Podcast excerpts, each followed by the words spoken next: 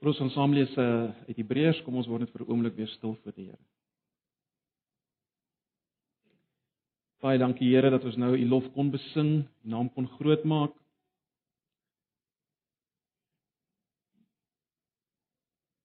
Nie teenwoordigheid kon wees. Dankie dat ons dit met vrymoedigheid kon doen. Al is ons in onsself gebroke, vol sonde, ontrou. Kan ons dit doen op grond van u werk, Here Jesus? En ons nou vanoggend weer eens hierdie waarheid gaan hoor, wil ek vra dat u ons harte sal vul met dankbaarheid. Dat u ons denke sal vernuwe. En ons waarlik sal begin leef in die die lig van van dit wat u vir ons gedoen het. Asseblief, Here, ons vra dit in Jesus se naam. Amen.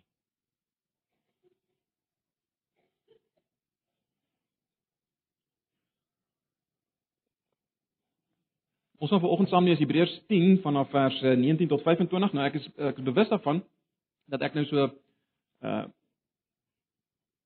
hele gedeeltetjie uitgelaat het. Maar dit is nou die lekker daarvan dat julle dit in die selgroepe gaan uh gaan deurdraf, dan gaan kyk. In groot mate is dit wat maar verder in in uh, hoofstuk 10 gebeur na dit wat ons reeds na gekyk het. Uh is is 'n bevestiging van dieselfde waarhede net op 'n bietjie manier. Dit is nie dat dit onbelangrik is nie, glad geheel en al. Maar julle sal wel uh deeglik daarvan kennis neem as julle ook daarna gaan kyk in die selgroepe. Maar kom ons uh vir vanoggend se doeleindes, kom ons fokus op vers 19 tot 25 van Hebreërs 10. Broers, ons het dus nou deur die bloed van Jesus vrye toegang tot die heiligdom en dit op 'n weg wat nuut is en na die lewe lei. Hierdie weg het hy vir ons gebaan deur die voorhangsel heen, dit is deur sy liggaam. En terwyl ons hom ook as groot priester oor die huis van God het, laat ons nou tot God, laat ons tot God nader met 'n opregte hart en met volle geloofsekerheid. Ons harte is immers gereinig van 'n skuldige gewete en ons liggame is gewas met skoon water. Laat ons styf vashou aan die hoop wat ons bely, want God is getrou. Hy doen dit wat hy beloof het. Laat ons ook na mekaar omsien deur mekaar aan te spoor tot liefde en goeie dade. Ons moenie van die samekomste van die gemeente af wegbly soos party se gewoonte is nie, maar mekaar eerder aanmoedig om daarin te gaan en dit des te meer na mate jy die oordeelsdag sien naderkom. Lees net tot daar.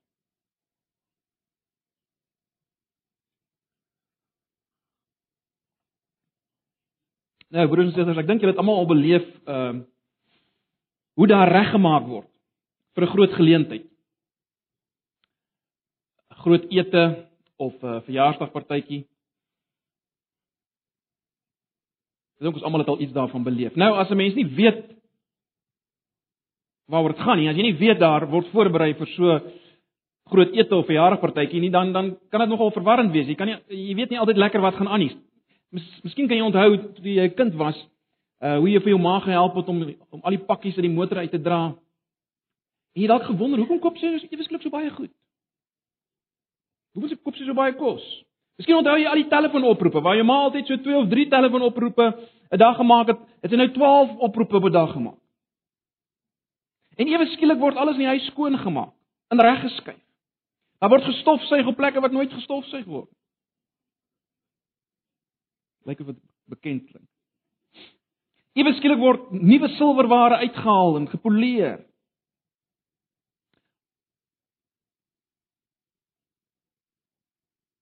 Dit is baie duidelik daar's daar's daar's aktiwiteit, nee, dinge word reggekry.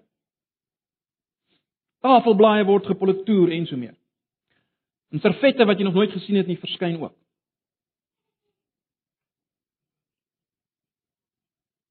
En dan op 'n dag aan lei die voordeel voordeurklokkie. En die mense kom in. Die tafels is gedek. En dan is baie duidelik waarvoor was al die voorbereiding, né? Nee, vir hierdie ete. Hierdie geleentheid. Dis waaroor alles gegaan het. Alles is reg gekry vir hierdie feesviering. Nou, in die boek Hebreërs gebeur iets soortgelyks uh in hierdie gedeelte waarna ons nou gekyk het. Iets soortgelyks gebeur. Uh by wyse van spreek kan ons amper sê uh In Hebreërs is die inkopies nou gedoen, die oproepe is gemaak. Die eetgery is uitgehaal, die tafel is gedek en nou kom die uitnodiging.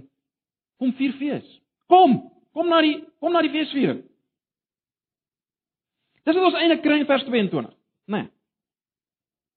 Kom ek stel dit so, vers 22 is die primêre rede vir alles wat waarna ons tot nou toe gekyk het. Vers 22 is die primêre rede vir alles waarna toe ons nou gekyk het. Kom ons luister net weer na vers 22. Laat ons tot God nader met 'n opregte hart en met volle geloofsekerheid. Ons harte is immers gereinig van 'n skuldige gewete en ons liggame is gewas met skoon water. Kom ons dink net vir 'n oomblik aan hierdie voorbereidings waarna ons gekyk het. Wanneer ons gekyk het in die prediking, wanneer jy gekyk het in die selgroepe of nog gaan kyk in die selgroepe, kom ons dink net vir 'n oomblik daaroor. Met ander woorde, uh as jy nou jou die die die preekraamwerk voor jou het, wat lê agter vers 22? Wat lê agter vers 22?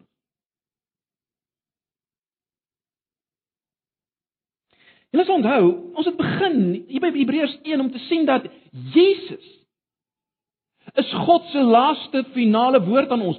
Jesus en alles wat hy is en alles wat hy gedoen het, dis wat God vir ons wil sê in hierdie laaste tyd. Jy weet nie wonder wat God vir ons wil sê nie. Dis wat hy wil sê, Jesus. En ons het gekyk na wie is hierdie Jesus, né? Nee, in daai eerste gedeelte sien ons hy's die een deur wie alles gemaak gemaak is. Hy's absoluut God en dis belangrik om dit daar al raak te sien. Maar dan het ons ook gesien hy het 'n pad van lyding geloop. En so mate dat hy absoluut weet waar ons gaan. Hy selfe versoekings het hy beleef in beginsel. Selfe pad het hy gestap. Hy verstaan jou as jy oud is. Hy verstaan jou as jy 'n jong kind is vandag. Hy verstaan jou as tiener. Hy het die pad geloop. Hy was absoluut mens. En dit is veral gekyk na Jesus as die finale hoëpriester.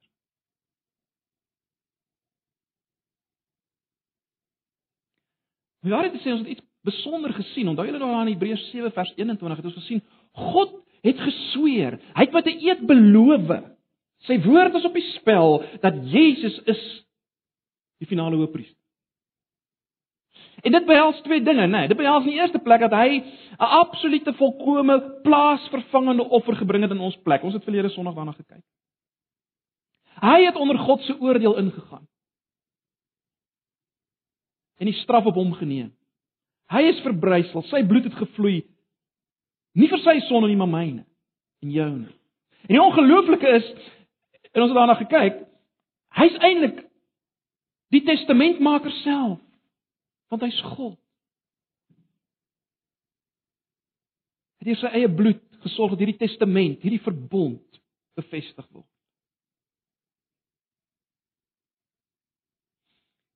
So in die eerste plek, die hoëpriester bring 'n volkomme offer. In die tweede plek, die hoëpriester is een wat vir ons by God is elke dag. Hy tree vir ons in. Dis wat hy vir ons doen. Hierdie Jesus wat ons gekyk het. Hy tree gedurig vir ons in. En baie belangrik, dit wat hy daar gedoen het, sy werk as hoëpriester het veroorsaak dat ons nie net uiterlik skoon is soos in die Ou Testamentiese tyd die geval was nie, vir seremoniele redes nie. Dit het 'n innerlike reiniging te werk gebring, werklike vergifnis, werklike reinheid van binne. En dit alles, en dit is belangrik, veroorsaak dat ons in 'n nuwe verbondsverhouding met hom kan staan. Hebreërs 8 wanneer ons gekyk.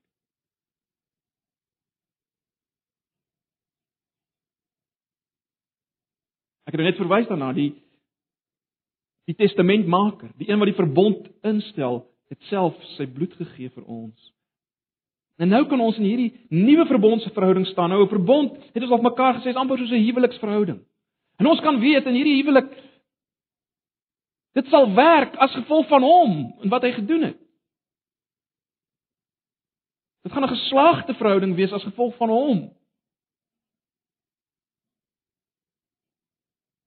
Dis moontlik om in hierdie verhouding nou te staan. En nou, nou kom die oproep as te ware, kom. Vier fees, kom na God toe. Broers en susters, in 'n sin moet ons verstaan dat dit is dit is waaroor die hele Bybel eintlik gaan, is dit nie? Is dit nie? Dink daaroor. Dink vir 'n oomblik daaroor. Ons het gekyk na Genesis 1 en 2. Dis nou 'n bietjie lank terug, maar julle sal onthou, ons het gekyk na Genesis 1 en 2. En dit wat daar was, die mens in 'n volkomme verhouding met God.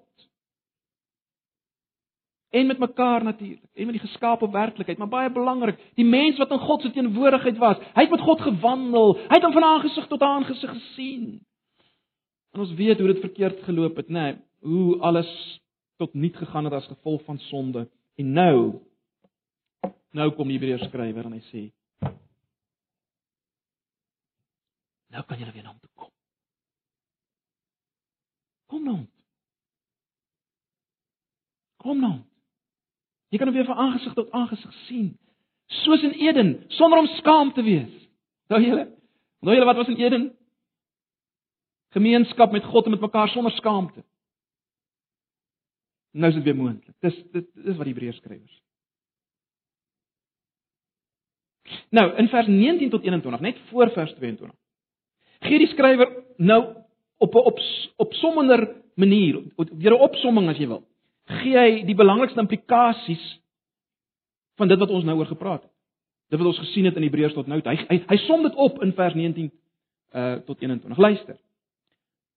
Broers, ons het dus nou deur die bloed van Jesus vrye toegang tot die heiligdom en dit op 'n weg wat nuut is en na die lewe lei. Hierdie weg het hy vir ons gebaan deur die voorhangsel heen, dis deur sy liggaam terwyl ons hom ook as groot priester oor die huis van God het. Jy sien hier is 'n pragtige opsomming van die implikasies van dit wat ons gesien het in die hele Hebreërs tot nou toe. Pragtige opsomming van die implikasies. Ons het vrymoedigheid van toegang tot God se teenwoordigheid deur Jesus se bloed wat ons vat op 'n nuwe lewende pad na die allerheiligste as gevolg van die werk van Jesus die Hoëpriester. Pragtige opsomming. En jy sien die die die die resultaat van dit alles kan eintlik niks anders wees as 'n uitnodiging nou in vers 22 om te om te sê, "Wel kom nou." En letterlik wat daar eintlik staan is, "Kom aan bid God nou. Kom bid tot hom." Want in hierdie konteks is is hierdie kom nader eintlik maar net 'n tegniese term vir kom aanbid hom, hoor. Uh terloops net so terloops die term vrymoedig wat ook gebruik word in hierdie verse uh, in die Joodse kultuur is, is dit in verband gebring met gebed. So dis waaroor dit gaan hier. Met ander woorde, wat die skrywer sê is kom raak nou besig om te bid, te praat met God, sy waarde te erken, te besing. Dis wat dit beteken om om om te aanbid natuurlik. Kom geniet hom as jy wil. Geniet sy teenwoordigheid. Kom nou. As gevolg van vers 19 tot 21. En baie interessant, hy sê Ons moet dit doen. Nie net nie net individueel nie, gesamentlik moet ons dit doen. Met ander woorde broers en susters, in kort word ons opgeroep om saam met God in die heiligdom te wees, om daartoe te gaan, na die heiligdom te gaan, né? Nou as vers 19 die woord heiligdom gebruik, dan dan bedoel hy dis natuurlik die plek waar God in sy heiligheid woon. Dit verwys natuurlik na die uh die allerheiligste,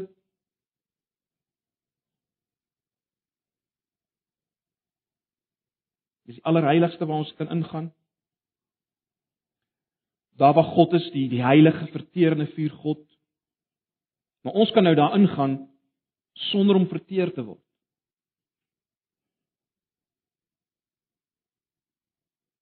En die skrywer sê ons kan met vrymoedigheid gaan, sien julle dit? Wat beteken dit dat ons met vrymoedigheid kan gaan? Wel, die woord beteken eenvoudig ons hoef nie bang te wees, beskeie te wees, terughoudend te wees nie. Ons hoef nie soos 'n hond te kom nie om om dit nou op 'n snaakse manier te stel. Jy jy weet hoe so 'n hond baie keer, né? Vir party honde. Bang, skrikkerig. Die teenoorgestelde is waar. Kom soos 'n klein kindjie wat kom na sy pa of ma. Kom sonder vrees. Dis die gedagte. Kom sonder vrees.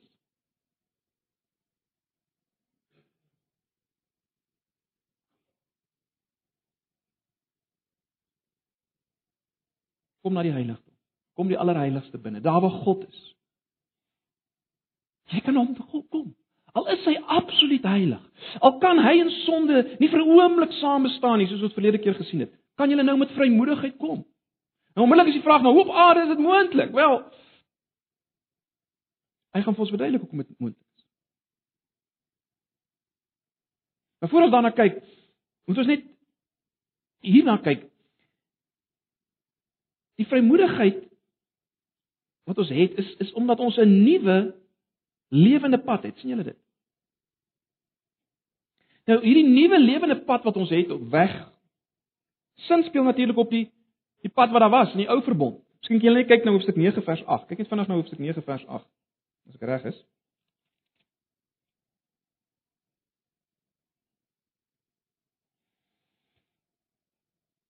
Daar lees ons van hier hiermee maak die Heilige Gees duidelik dat die pad na die allerheiligste toe nie oop is so uh die heiligste toe nie oop is solank as die voorste gedeelte van die verbondstent bestaan nie. Nou, so die hele gedagte is maar net die pad was nie oop nie. Daar was nog nie 'n 'n lewende pad na God toe, na die allerheiligste soos vandag is nie. Uh hoe die ou pad gelyk as jy wil. Die ou pad, ons het al baie daaroor gepraat, het so gelyk. Een man kon eenmal per jaar in die allerheiligste ingaan. Die hoofpriester, nee, net net hy kon ingaan. Die ander ouens kon nie eers self so in God se teenwoordigheid kom nie. Net een man, die hoofpriester, een man per jaar. So dis dit was die ou pad as jy wil. Dit was die ou pad. Nou sê die skrywer ons ons kan op 'n nuwe pad gaan, 'n pad wat na die lewe lei.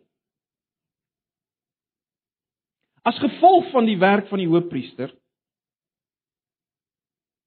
Jesus kan ons op 'n nuwe pad gaan. Nie meer die pad wat in die ou verbond was nie. 'n Nuwe pad. Eh, eh, hy noem dit 'n lewende 'n lewende pad. Nou, dit is dit is 'n gewellige ryk gedagte, né? Uh dit kan in die eerste plek verwys na die feit dat Jesus het bly leef toe hy ingegaan het en ons gaan op hierdie pad terwyl daar was altyd die moontlikheid dat die hoofpriester kon sterf as as God fout gevind het met sy offer kon hy sterf ons het daarna verwys. Ons het nou 'n pad wat na die lewe lei of 'n lewende pad soos dit letterlik staan. Maar, maar die, die implikasie kan ook nog verder wees dat hierdie pad waarop ons nou kan gaan lei na lewe met 'n hoofletter. Lewe wat lewe wat daar was in die tuin van Eden wat beteken 'n verhouding in verhouding met God absolute in verhouding met God. Dis werklike lewe. En en en hierdie pad waarop ons nou kan gaan, lei soontoe.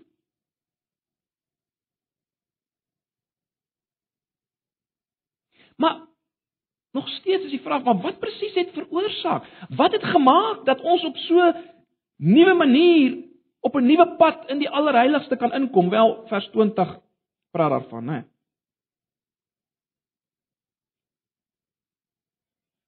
As hy sê Hierdie pad, hierdie weg het hy vir ons gebaan deur die voorhangsel heen, dit is sy liggaam. sien julle dit vers 20? Hierdie weg of hierdie pad het hy vir ons gebaan deur die voorhangsel heen, dit is deur sy liggaam. In ander woorde, wat wat wat wat sê die skrywer? Die skrywer sê met ander woorde broers en susters, ag nee, ons weet dit, né? Nee. Op daai dag op Golgotha Toe duisternis gekom het oor die aarde, die aarde begin ruk en skud en bewe het. Op daai dag het het daar ewe skielik iets gebeur, né? Die voorhangsel het van bo tot onder geskeur. Opgeruk. En dit was die einde van die ou pad. Dit was die einde van 'n hele ou bedeling. Wat net een man, eenmal per jaar kon ingaan in die allerheiligste in God se teenwoordigheid. Dit was die einde. Toe Jesus en dit is waarop hier gesin speel word, né? Toe Jesus se liggaam skeur aan die kruis. Toe sy liggaam skeur, toe skeur die voorhang. Deur sy liggaam wat geskeur het, het ons die toegang tot God.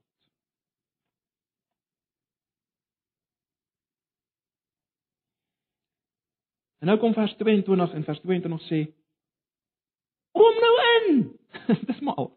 Kom nou in. Gaan nou deur hierdie voorhangsel wat geskeur het. Kom nou in. As dit waar is, is alles reg, man. Kom nou. Dis vers 2. Maar natuurlik is sekere dinge nodig om om so in te kom. Maar ons moet nie bekommerd raak en dink, "O, aard, ek sien daar is nou maar weer 'n klomp dinge wat wat, wat nou nodig is om in te kom wat ek dalk nie het nie en ek, ek dalk maak ek dit nou weer nie." Dit is nie 'n klomp weer 'n klomp laste of wette wat op ons gelê word nie. Die dinge wat hy nou gaan noem wat nodig is om in te kom, in te gaan in hierdie heiligdom op hierdie nuwe pad. Hierdie dinge is as te ware as jy wil of laat ek so stel, dit word genoem om ons eintlik te bemoedig. Want is dinge wat ons deel is as gevolg van die werk van Jesus.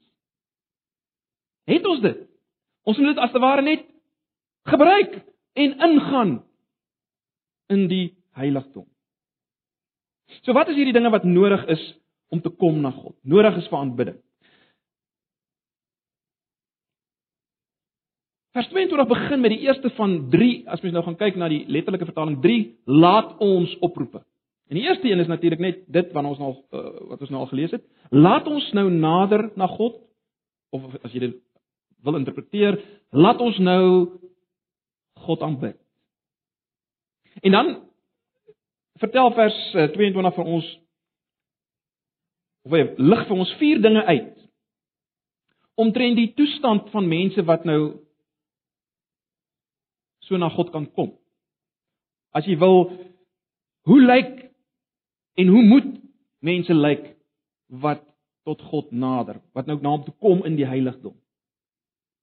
Met ander woorde, dinge wat waar behoort te wees en sal wees as 'n resultaat van wat Jesus gedoen het. Dis wat hy nou vir ons uitlig. En die eerste ding waarvan hy praat is 'n opregte of waaragtige hart. sien julle dit? Vers 22 Laat ons tot God nader in eerste plek met 'n opregte hart, met 'n opregte hart of 'n waaragtige hart. Nou, die agtergrond hiervan is natuurlik Jeremia 31, né? Nee, vers 33, waar daar beloof word in die Ou Testament, daar gaan 'n tyd kom waar ek my wette in julle harte gaan gee. Dit gaan nie meer net 'n uiterlike ding wees wat jy gaan aftik nie. Dit gaan van binne af kom en ons het gesien en vir mekaar gesê, eh, dit wat van binne af kom is is ook baie meer as die wette van die ou verbond. Maar hoe dit ook al sê, Jeremia 31 is, is die agtergrond van hierdie van hierdie opmerking. En en natuurlik in hoofstuk 10 vers 16 word dan verwys na Jeremia 31 en dan terug in hoofstuk 8 vers 10 is dit ook aangehaal. Jy sien broers en susters, iets gebeur as jy deel word van die nuwe verbond deur Jesus se werk. Iets gebeur wat jou hart raak en dis die verskil, né? Nee, dit raak jou hart. Jy word van binne af die mens wat God wil van binne af. Dit wat jy bedink word nie. Dit wat hier binne aangaan word nie en dit het natuurlik ook 'n invloed op hoe jy na buite lewe. Maar maar die belangrike ding van die nuwe verbond is dat hier binne gebeur iets, né? Nee. Wat jou persoonlikheid en jou gedrag en jou denke uh beïnvloed. En en en wat die skrywer nou hier sê is kom met daardie hart, kom nou nader met die bewustheid van hierdie nuwe hart wat jy het. Los die formalisme nou man. Moenie nie weer terugval in 'n formalistiese tipe ding nie. Kom met daai nuwe hart. Met hartstoewyding na die Here. Los die uiterlike goeders. Los die rympies en goeders as jy bid. Kom. Met 'n nuwe hart, met hartstoenadering. Kom met jou aangeraakte hart, kom van binne af, as jy dit so kan sê. Die tweede ding wat hy noem is volle sekerheid van geloof of volle geloofsekerheid. Dis die tweede ding in vers 22, sien julle? Volle geloofsekerheid of sekerheid van geloof. Nou, as hy praat van geloofsekerheid of sekerheid van geloof, dan bedoel hy nie jy moet jouself begin oortuig dat jy glo nie. Hy praat nie van geloof in geloof nie, né? Nee. Is ook nie 'n oproep vir net sekere ouens wat nou hierdie groot geloof in God het om om nader te kom na God. Die geloof waarvan waarvan hy praat broers en susters, is die geloof wat ontstaan wanneer jy in desperaatheid van jou eie bewustheid, ag eh, eh, wat ek so sê, in bewustheid van jou eie swakheid en desperaatheid oor jou eie toestand. As jy as jy so kom en jy jy begin kyk na na Jesus en wat hy gedoen het, soos dit in Hebreërs uiteengesit word. Wat gebeur as jy so uit 'n bewustheid van jou eie swakheid, gebrokenheid, stikkenheid, tekortkoming, sonde begin uitkyk na dit wat ons in Hebreërs sien Jesus gedoen het? Wat gebeur? Jy begin sekerheid kry.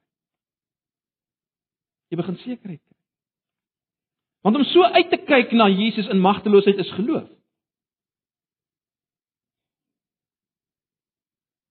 Dis geloof om in magteloosheid te kyk na wat Jesus gedoen het. Jesus waaroor ons nou baie gepraat het in Hebreërs. En dan word jy jy lees van Jesus, jy bedink wat hy gedoen het en jy vat dit wat Jesus van hom uh, of dit wat Hebreërs van hom sê, jy vat dit. Jy lees, jy bedink, jy vat dit wat Hebreërs van hom sê en dit produseer sekerheid.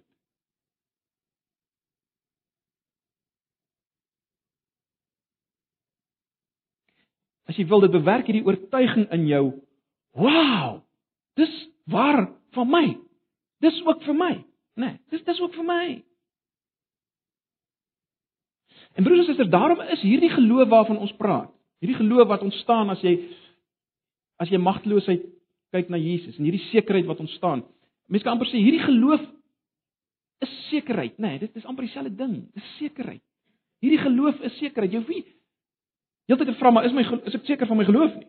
Hierdie geloof is sekerheid. En terloops, dis hoe hoe Johannes Calvin dit gedefinieer gedefinieer het, hoor. Uh, Johannes Calvin het gesê geloof is die sekerheid. Ge, luister mooi. Geloof is die sekerheid van God se welwillendheid en sy goedgesindheid teenoor ons op grond van wat Jesus gedoen het. Geloof is daai sekerheid. So dis waarvan hy praat. Kom met met dit wat nou ontstaan het toe jy gekyk het na Jesus. Kom so. Kom met daai sekerheid wat nou ontstaan het toe jy gekyk het na Jesus. Kom met hierdie oortuiging.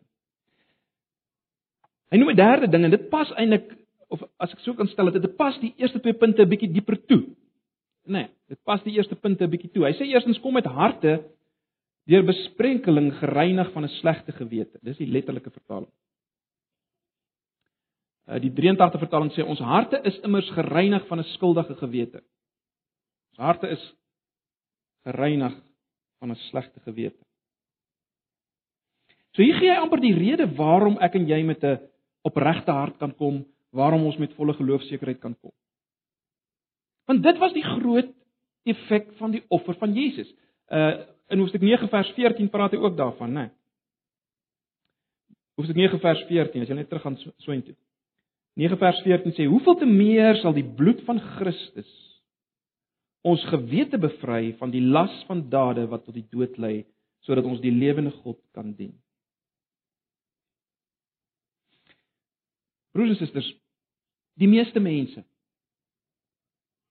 Die meeste mense het vir die meeste van die tyd van hulle lewe iets swaars wat as te ware op hulle harte druk iets wat hulle gesê en gedoen het wat hulle wens hulle het nie gesê of gedoen nie.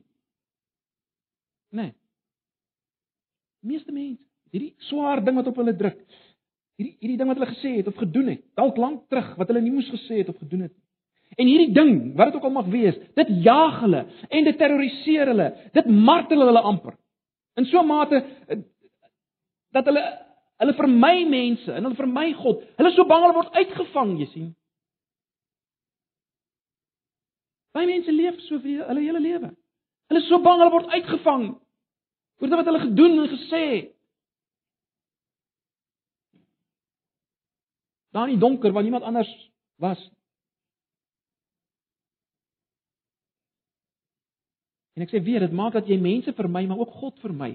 En en die hele punt is dat as gevolg van die offer van Jesus, as gevolg van sy bloed wat gevloei het as teken dat sy lewe gegee is vir my, is daar betaal vir hierdie dinge.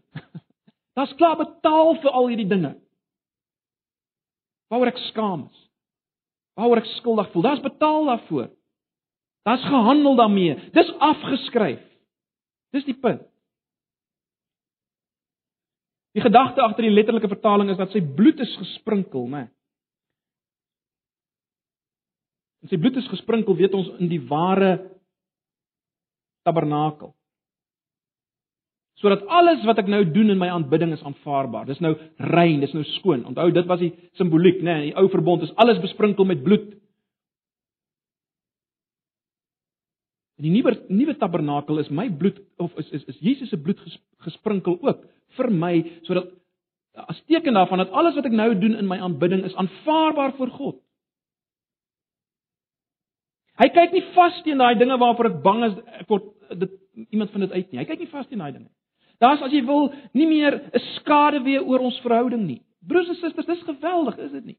Daar is nie meer 'n skade weer oor die verhouding tussen my en God nie. As gevolg van die bloed van Jesus. As ons dit maar net kan vat, nê. As ons dit maar net regtig kan vat. Hy lig 'n vierde ding uit en hy sê ons liggame is gewas met skoon water. Nou al wat hy wil doen hier is om te bevestig dat as gevolg van die werk van Jesus is jy skoon en aanvaarbaar voor hom. Anders as die al die rituele wassinge van die ou verbond wat wat nie hierdie absolute innerlike skoonheid voor God kan bewerk nie, is dit nou waar. Die agtergrond is waarskynlik Esegiel 36. Miskien kan jy vinnig blaai na Esegiel 36, die belofte. In die ou verbond alreeds van hierdie reiniging.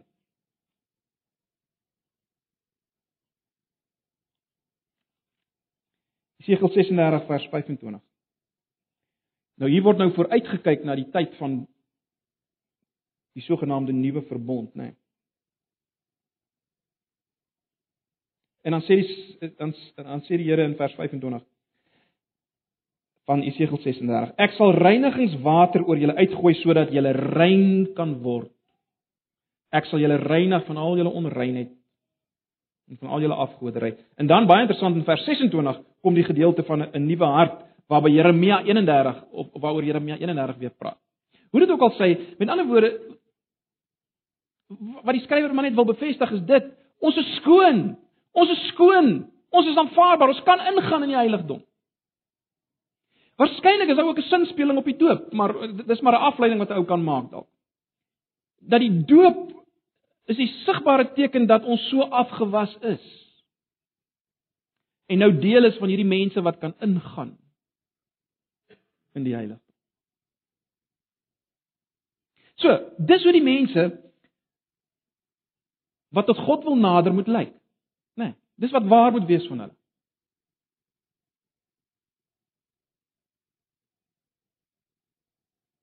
Dan moet 'n opregte hart wees met ander woorde 'n hart wat aangeraak is, dan moet volle geloofsekerheid wees en dan moet dan moet skoon wees. Dan moet skoon wees. En en dis broers en susters wat ons is, is dit nie? As gevolg van die werk van Jesus. Met ander woorde, in 'n sekere sin moet ons maar net met 'n bewustheid hiervan gaan na God toe. Ons hoef nie weer te bewerk op 'n manier nie. Dis gedoen deur die werk van Jesus. Dis die punt van die skryf. Baie belangrik en ek ek wil dit net weer bevestig. Dit dit gaan in hierdie gedeelte nie net oor my private nadering van God nie. Die woord ons word heeltyd gebruik, né? Nee, laat ons. Nie net laat jy nie, laat ons. Maar hy wil hê ons almal as nuwe verbondsmense, as gemeente, moet nou begin kom na God toe.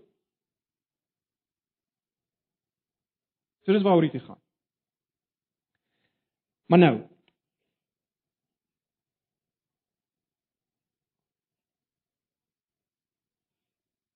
Dis asof die skrywer antisipeer dat daar 'n geneigtheid by ons gaan wees om hierdie naderkom na God te vermy. Dat ons dit gaan uitstel. Dat ons dit gaan verwaarloos. Dis asof die skrywer weet daar's 'n gevaar dat al hierdie heerlike waarhede wat nou uh waarvan die implikasie in vers 19 tot 21 uit uitgelig word, daar's 'n gevaar dat dat ons as te ware van hierdie dinge gaan vergeet, nê. Nee, dat dat die die trekkrag van die wêreld en versoekinge en teenkantinge gaan maak dat ons dit as te ware verloor.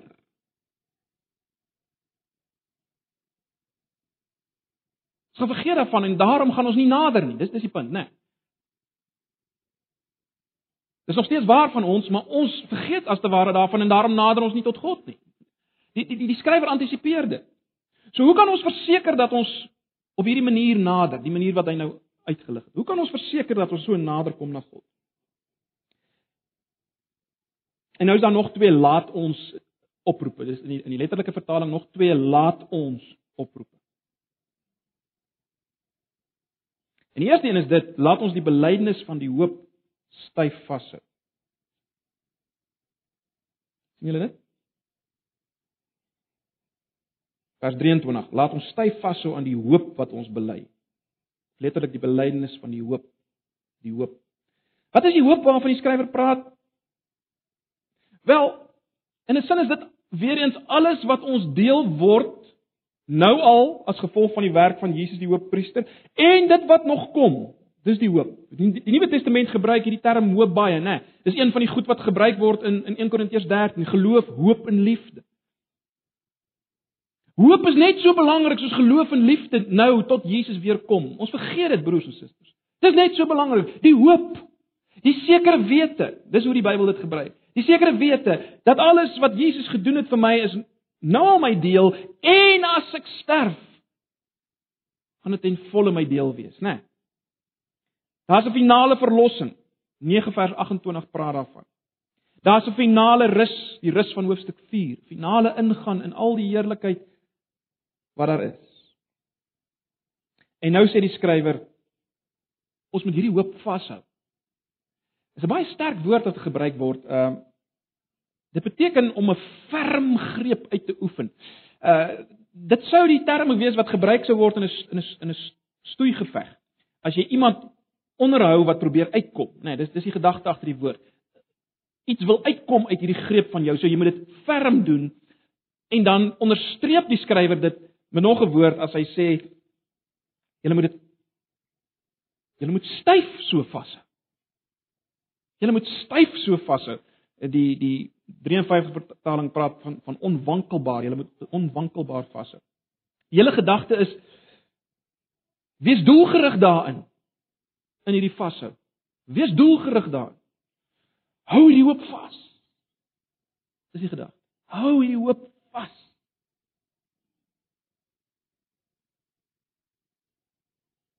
Styf. Hou dit vas. Moenie dat dit uitglip nie. Moenie dat dit uitglip nie, dis die gedagte. En dan kom die skrywer, sien julle dit? En dit is so mooi. Vers 23: Laat ons styf vashou aan die hoop wat ons bely, want God is getrou. Hy doen wat hy beloof het. Dis asof hy net weer wil kom sê, onthou. God doen wat hy beloof het. Broers en susters, ek herinner julle aan hoofstuk 7 vers 21. Uh, wat wat verwys na die feit dat God met 'n eed gesweer het 'n belofte gemaak het dat Jesus is hoëpriester vir ewig met alles wat dit behels, sy verlossingswerk en sy intrede. So nou kom die skrywer hier in vers 23 en hy sê onthou dat God getrou is, hy doen wat hy sê. En broers en susters, ons moet dit nooit vergeet nie. Ek sê dit weer, ek het dit al gesê. Jou en my verlossing is seker, nie omdat ons so goed vashou nie, My en jou verlossing is seker omdat God met 'n eed gesweer het dat die werk van die hoëpriester suksesvol is gedoen in jou plek en daarom is my my en jou verlossing seker. Sy woord is op die spel. Hy's getrou. Ons kan vashou daar. Hy het beloof. Hy het beloof. Hy doen wat hy sê. In die agtergrond hiervan, ek sê weer, is, is sy eed gesweerde belofte hoofstuk 7 vers 21. So, hou vas aan hierdie hoop. En jy, jy hou nie verniet vas nie hoor, dis die punt. Jy hou nie verniet vas nie. Jy mors nie jou tyd nie man. God het gesê, het gesweer, dis waar. En dan die laaste laat ons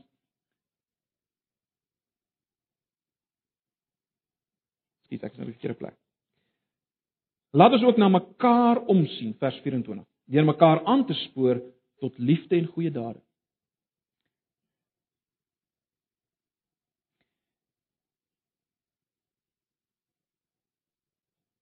Die skrywer sê ons moet na mekaar omsien. Weereens ons, nê, nee, hy gebruik weer die woord ons. Dis almal se werk. Dis almal se werk om na mekaar om te sien, nie net die dominee of die ouderlinge se werk. Nou hierdie begrip omsien dui op 'n toegespitste noukeurige volgehoue aandag. Dis dis wat dit beteken. Toegespitste, noukeurige volgehoue aandag. Nou ek dink julle sal saamstem dit dit kan baie ongesond wees as 'n uh, eh, as jy mekaar begin dophou. Elke tree wat jy uit die spoor uit trap aan kap jy die ander hou soort van. Dis nie waaroor dit hier gaan nie, nê. Nee. Dit gaan oor 'n toegespitsheid op mekaar wat gedring word deur liefde. Ek sê dit weer, 'n toegespitsheid op mekaar wat gedring word deur liefde. In ander woorde, ek wil hê al my broers moet die wedloop volëindig. Ek is sterk daarop ingestel. Interessant, basies dieselfde begrip wat hier gebruik word wat wat in hoofstuk 4 gebruik word vers 1 en ook in hoofstuk 12 vers 1 wat sê hou die oë gefestig op Jesus. Net so moet jy jou oë gefestig hou op jou broer en suster. Natuurlik eh, op 'n ander manier, nê, nee, vir, vir 'n ander rede. Maar wees toegespits op hulle. Ek sê weer, dit gaan nie hier oor 'n opcheck van mekaar nie. Waaroor gaan dit? sien julle dit? Waaroor gaan dit? Laat ons na mekaar omsien deur mekaar aan te spoor. Jy sien dis waaroor dit gaan. Dit gaan nie oor 'n opcheck nie, dit gaan oor 'n aanspoor. Dis 'n verskil.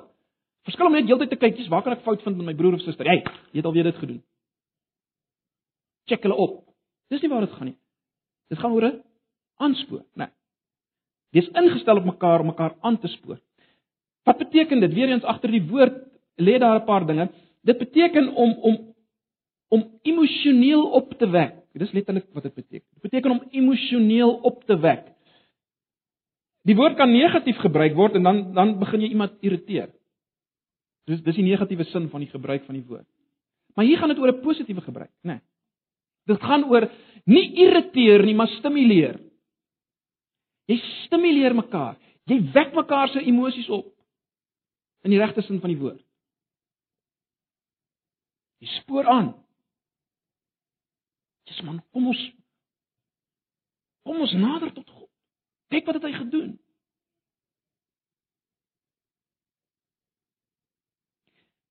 Hy gaan verder en hy sê waarop waar waarop of waaroor moet ons mekaar aanspoor? Dit word nie uitgelig. Hy hy hy hy hy, hy praat hier van liefde en goeie dade. Hoekom lig hy dit spesifiek uit? Ek dink hy lig dit spesifiek uit broers en susters want in hoofstuk 6 vers 9 tot 10 gebruik hy dit ook die die die die die terme liefde en goeie dade as 'n aanduiding dat jy aan Jesus behoort. In ander woorde, die, die, as jy as ons mekaar opwek en aanspoor tot liefde, liefde vir God en liefde vir mekaar en en en goeie dade, met ander woorde dinge wat ons doen as uitvloeisel van ons liefde vir die Here, die sorg vir mekaar en die omsien. As ons hierdie dinge doen, word ons al meer seker van die feit dat ons nuwe verbondsmense is, dat daar iets verander het in ons harte. Ek ek dink dis die, die rede daarvoor. Dis die kentekens wat uitgelig word in hoofstuk 6, daai daai daai moeilike gedeelte. Die kentekens van die gelowiges daar word daar uitgelig as liefde en goeie dade. En ons moet mekaar met ander woorde daartoe aanspoor. Want dit help ons, nê, nee, dit gee vir ons verdere versekering. Let wel, dis nie die grond vir ons versekering nie. Maar dit help ons. Uh kom ek gebring net weer 'n beeld wat ek ek het dit al hier gebruik en ek het ek weet nou die dag by die selgroep ook gebruik dink ek. Ons moet die regte balans hier hier hou tussen tussen dit wat Jesus gedoen het wat die grond is van ons geloof in en hierdie liefde en goeie dade wat bevestiging is daarvan. Stel jou voor, uh jy kom van die platteland af hier in die stad, jy moet ergens heen gaan, kom ons sê ehm um, Boksburg toe gaan. Jy weet nie hoe om daar te kom nie, so jy kry iemand om jou te begelei, die polisie polisie begeleiding en nou ry jy na Boksburg toe. Jy moet jou oë hou op hierdie ou voor jou, anders dan gaan jy ry agter hom aan. Maar in die hoek van jou oog sien jy daar's bordjies wat sê Boksburg. 50, Boksburg 40, 30. Dit dit bevestig vir jou jy jy is op die regte pad. Maar jy kan nou nie net begin kyk na die bordjies nie want dan gaan jy weer in jou kanon verdwaal. Jy moet kyk na hierdie ou wat voor jou ry. En broers en susters, dis dis die balans, né? Nee. Hou die oog op Jesus en dit wat hy gedoen het. Maar as ons begin mekaar aanspoor tot liefde en goeie dade en ek en ek, ek raak bewus van, joh, daar's liefde by my en en en ek doen dinge dis hierdie goed wat ek uit die hoek van my oog sien wat vir my sê, "Wow, daar het iets gebeur." Jy is op die regte pad. Jy, hoor wat ek sê. Hou daai balans. Moenie jou oë afval van Jesus.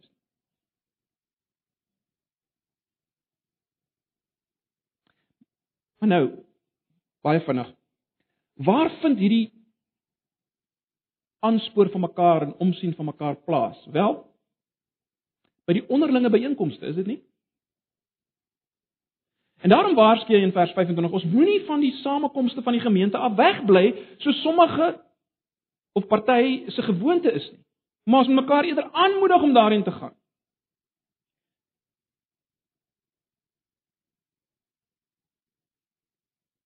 Waar vind hierdie aanmoediging plaas, broers en susters?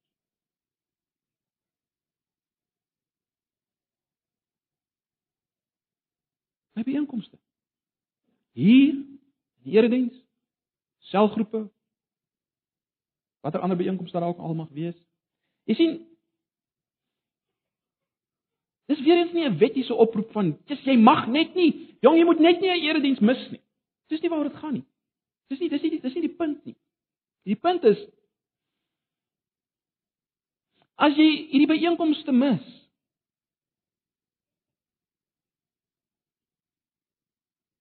gaan jy sukkel om vas te hou aan hierdie hoop. En gaan jy sukkel om in die lig van vers 19 tot 21 nou te nader tot God. Jy gaan begin vergeet daarvan. Jy begin gaan begin slap raak daarin. Jy jy jy het nodig om skouers te skuur met medegelowiges wat vir jou sê, "Jog man, dis wat Jesus gedoen het. Kom ons kyk weer daarna." En jy gesels daaroor en jy praat daaroor en jy sit by die Bybelstudie en jy gaan deur hierdie dinge en jy sien dit weer en jy's hier by die erediens en jy hoor dit weer en na die diens praat jy met iemand en iemand sê iets en dit moedig jou weer aan. Jy sien, dis waar dit. Dis waar. Ons moet dit nie lig skat nie, broers en susters. Die die die gemeenskap met mekaar is is nie 'n ligte ding nie. Dit help ons om uiteindelik in te gaan. Dit tot God te nader. God te aanbid. Privaat en gemeenskap.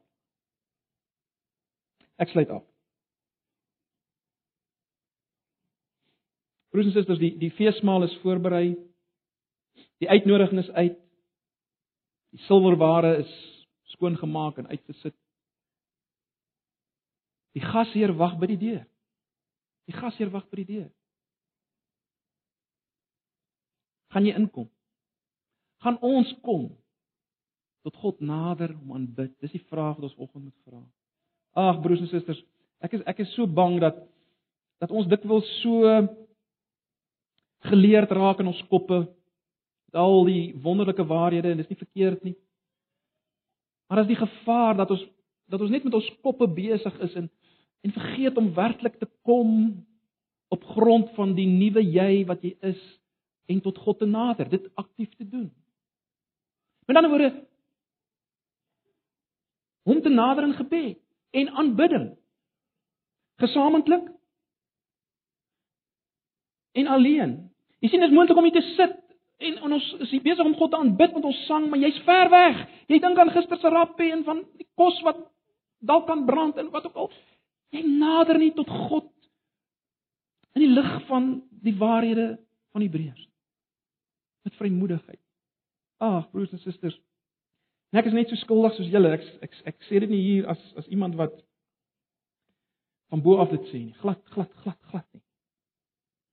Maar kom ons herinner mekaar daaraan om werklik met vrymoedigheid na God te kom, om te aanbid. Kom ons maak tye in ons dag. En ek praat nie van lang stilte tye noodwendig nie.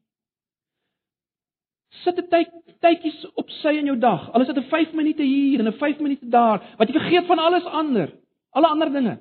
En jy jy kom net voor God. Jy raak net bewus van hom en jou vrymoedigheid om in sy teenwoordigheid te wees. Praat net met hom, raak bewus van sy teenwoordigheid. Sal ons dit nie doen nie?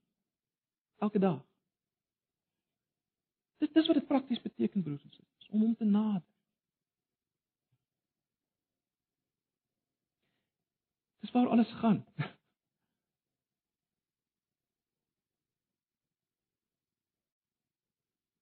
Om saam met hom te wees in die heiligdom. Dis waar alles gaan. Ag en daarom wil ek hê ons moet kom ons doen dit nou prakties. Kom ons raak net net van jy is nader tot God nader tot God. As nuwe verbondsmens, kom na hom. En in hierdie week by jou byeenkomste kom ons moedig mekaar aan om te nader. Ek gee geleentheid vir net 'n stil word voor die Here, net 'n nader kom na God en dan sluit ons af met 'n lied. Ag Here, dankie vir u woord. Dankie Vader dat ons kan kom na u toe. Ag ek wil bid dat U my oë en ons elkeen se oë sal oopmaak vir die realiteit hiervan, van die wonderlike voorreg om self met U te kan praat en tot U te kan bid. Te kan weet ons ons word gehoor by U, U aanvaar ons. U draai nie U gesig weg vir ons nie. Ons is absoluut geliefd, absoluut aanvaarbaar. Ons kan nie meer aanvaarbaar wees as ons is nie omdat ons voor U staan geklee in die werk van Jesus. Here, dit is te goed vir ons om om te kan glo. Help ons om dit te vat. Ons dankie daarvoor. Amen.